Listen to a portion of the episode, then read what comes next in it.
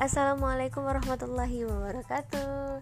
Selamat datang di podcast Mona Melisa. Yap, ini adalah podcast pertama saya. Dan saya nggak tahu mau kasih nama apa. Makanya pakai nama sendiri aja dulu gitu. Karena kan kalau yang mana lihat ya Podcast itu macam-macam nih namanya. Mungkin biar orang tertarik kali ya jadi semakin unik namanya gitu semakin bikin penasaran gitu kayak contohnya ada subjektif lah intuisi lah ruang tanpa makna lah um, apa ya macam-macam sih. Dan mungkin sewaktu-waktu podcast ini bisa berubah nama gitu seiring uh, adanya ide. Atau teman-teman punten boleh mikirin kalau ada waktu atau mau gitu meluangkan waktunya. Bisa nanti ya kalau ada ide uh, eh, DM ke Instagram Mona atau kalau yang ada nomor WA Mona juga nggak apa-apa kok di chat aja. Nggak ada yang larang gitu. Karena masih jomblo juga. Abaikan. Nah mungkin teman-teman ya pasti penasaran nih kok akhirnya Mona bikin podcast gitu? Apakah Mona tidak akan menulis lagi? Oh, enggak ya. Insyaallah uh, Mona tetap nulis karena nulis itu udah jadi bagian dari hidup Mona gitu sih loh jadi kenapa nih harus ambil podcast gitu? Hmm, awalnya mencari ruang berkarya yang ba yang baru yang punya atau bisa durasinya lebih lama gitu. Kepikirannya itu ke YouTube. Karena kan apalagi sekarang lagi booming boomingnya gitu ya YouTube ya. Kayaknya asik juga nih kalau nyemplung ke dunia YouTube gitu dan istiqoroh lah gitu kan. Istiqoroh emang apaan? Setelah di kan akhirnya Mona memutuskan untuk enggak dulu deh ke YouTube gitu. Karena sadar diri juga kayaknya enggak masuk kriteria kamera gitu. Enggak sih. Sebenarnya sih ini lebih ke prinsip ya. Karena dari awal juga Mona berkomitmen untuk enggak nge-share um, apa ya diri Mona secara dekat gitu di sosial media baik untuk um, pembahasan pertama kita kali ini mungkin teman-teman kayak kebingungan ya ini kenapa sih bahasanya berat banget? Ini podcast pertama loh nih ini hadir dari keresahan Mona sih setelah baca buku fikih kontemporer kesehatan wanita gitu. Kayaknya emang tuh kayak dicabik-cabik ditampar gitu dilempar habis gitu kayak lo wanita tapi lo kok banyak nggak tahu sih soal ini? gitu. Makanya akhirnya Mona kayak ya Allah kenapa saya nggak nggak mau nge-share aja nih perihal ini ke teman-teman yang lain terutama ke wanita. Nah buat kamu nih laki-laki yang mendengar atau mendengar podcast ini jangan berhenti juga gitu. Mana tahu nanti istrimu nggak punya ilmu soal ini. Jadi kamu nih yang bisa ngasih tahu yang bisa memberikan ilmu tersebut. Langsung aja kali ya uh, tentang istiadah dan darah haid siapa nih yang baru mendengar istilah istihadah? Ayo ngaku lo ngaku. Ngacung-ngacung nih siapa nih? Mana nih wajahnya nih? Um, kalau darah haid mungkin udah udah tahu kali ya. Itu kan sama kayak menstruasi ya. Peristiwa mengeluruhnya dinding rahim karena tidak dibuahi. Makanya setiap bulan itu wanita selalu mengalaminya. Nah istiadah itu adalah darah yang keluar dari daerah wanita yang bukan pada waktunya atau di luar siklus haid. Nah berarti kalau istiadah ini di luar siklus haid otomatis kita harus tahu dong siklus haid itu gimana sih yang sebenarnya. Nggak mungkin ujuk-ujuk kita tahu oh ini istiadah nih. Oh ini menstruasi nih. Enggak ya pasti kita harus tahu dulu. Jadi siklus haid itu gimana sih gitu. Siklus haid yang normal itu selama 21 sampai 35 hari dengan durasi 3 sampai 7 hari. Nah, jadi nih buat kamu yang menstruasinya maju atau menstruasinya mundur itu normal ya beb. Jadi nggak masalah gitu. Jadi kamu nggak usah kayak stres mikirin eh kok gue belum haid haid ya? Eh kok gue telat tiga hari ya? Itu normal kales ya. Jadi itu normal karena kita kan punya siklusnya itu 21 sampai 35 hari jadi bisa aja kamu punya siklusnya itu 21, 22, 23 atau 30, 34, 35 gitu jadi bisa maju bisa mundur dan durasi yang biasanya itu 3 sampai 7 hari. Terus gimana dong yang punya durasi lebih dari itu? Ya nggak apa-apa, ada kok beberapa yang 8 sampai 9 hari. Nah, jadi gimana dong batasnya yang istihadah atau uh, haid nih? Gimana nih bedainnya? Nah, sebelum masuk ke sana, ternyata kenapa istihadah ini bisa ada?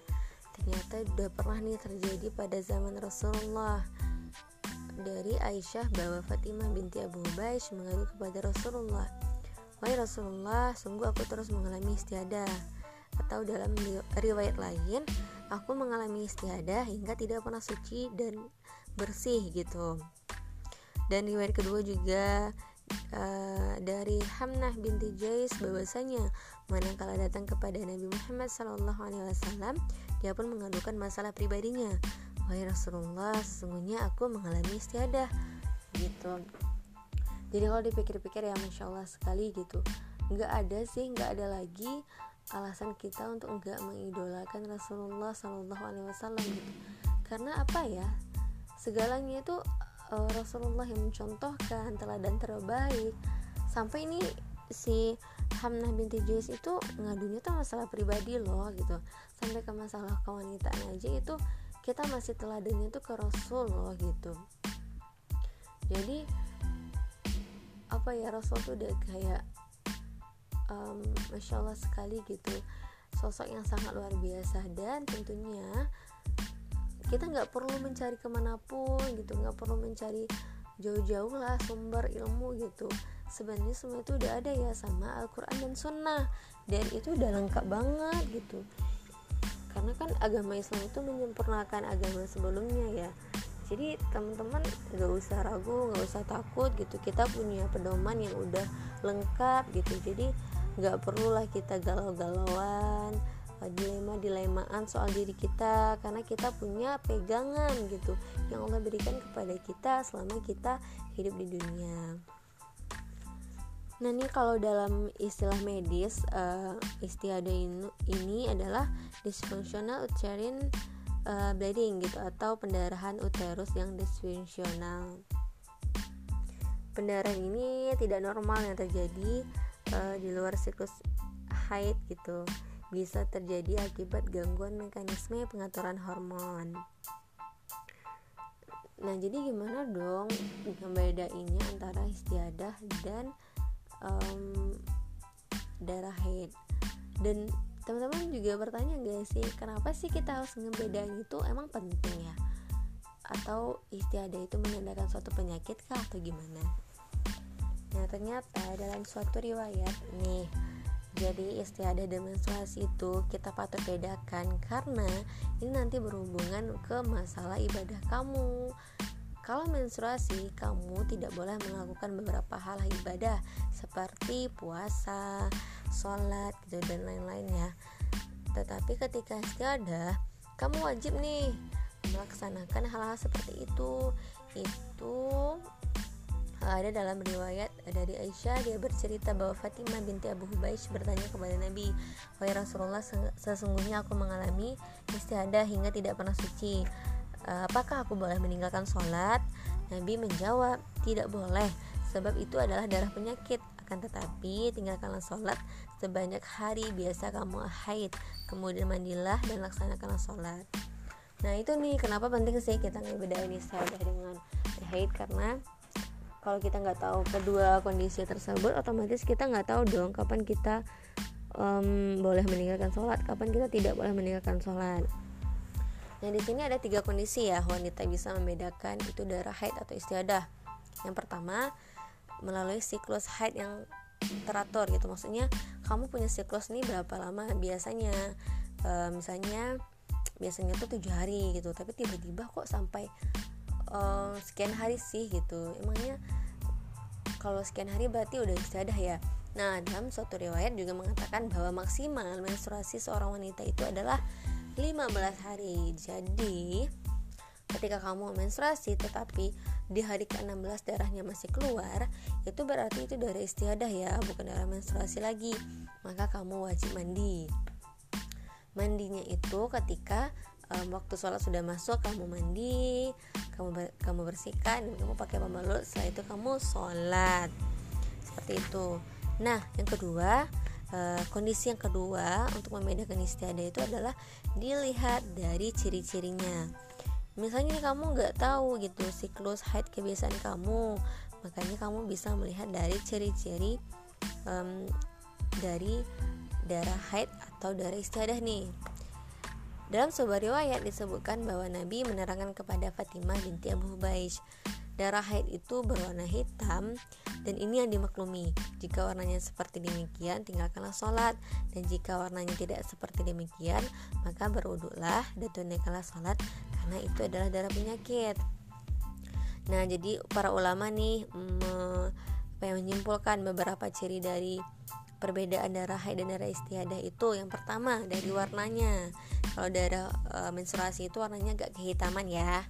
Tetapi kalau darah istiadah itu lebih segar merahnya. Yang kedua dari konsis konsistensinya. Kalau darah haid itu lebih baku lebih keras gitu ya. Sedangkan istiadah itu lebih lunak lebih cair. Yang ketiga dari baunya. Kalau darah haid itu punya aroma yang khas gitu ya. Mungkin teman-teman wanita sudah tahu kali ya Nah, sedangkan istiadah tidak demikian gitu karena dia kan darah biasa. Uh, selanjutnya dari kepeka kepekatannya itu darah haid itu apa ya agak bertekstur kental sedangkan istiadah itu kurang kental. Nah, kamu bisa melihat dari ciri-ciri tersebut, maka kamu bisa membedakannya. Nah, gimana dong kalau sudahlah siklusnya nggak tahu dan ciri-cirinya juga nggak tahu gitu, maksudnya nggak bisa membedakan dari ciri-cirinya gitu ada kondisi ketiga yang bisa kamu lakukan yaitu dengan melihat um, siklus yang biasanya wanita di kalangan kamu alami. Misalnya ibu kamu, kakak perempuan kamu atau tante kamu. Misalnya nih siklusnya tuh biasanya 8 hari lah itu udah mentok tuh.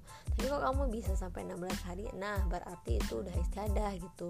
Walaupun kayak kelihatannya itu darahnya gak bisa dibedain ciri-cirinya eh itu. Atau kamu gak punya siklus yang teratur eh tak bulan tuh kadang dua bulan eh sekali dua bulan atau yang gak teratur lah gitu. Berarti kamu bisa ngelihat dari kebiasaan uh, wanita di kalangan kamu misalnya berapa hari gitu ya.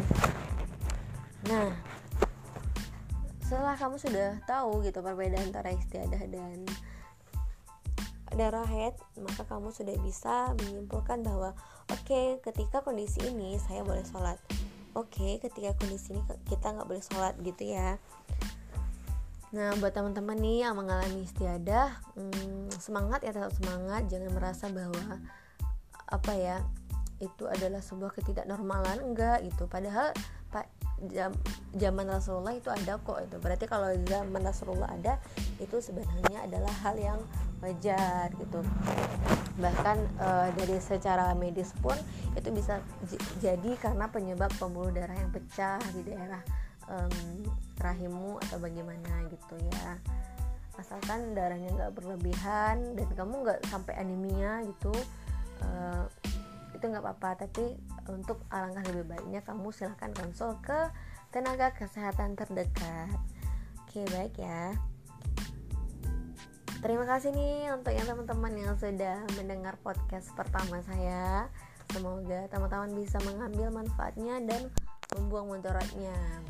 Saya di sini apa ya hanyalah seorang penuntut ilmu juga yang pasti banyak salahnya gitu Semoga teman-teman maafkan jika saya ada salah. Jangan pernah bosan untuk mendengar podcast selanjutnya karena insya Allah nanti kita akan bahas tentang hijrah saya atau perjalanan menulis saya insya Allah ya. Tapi saya juga mau fokus ke sisi kebidan ke ilmu kebidanan dari sisi Islam gitu. Oke teman-teman, terima kasih atas waktunya yang sudah mendengarkan podcast ini. See you, sampai ketemu di podcast selanjutnya.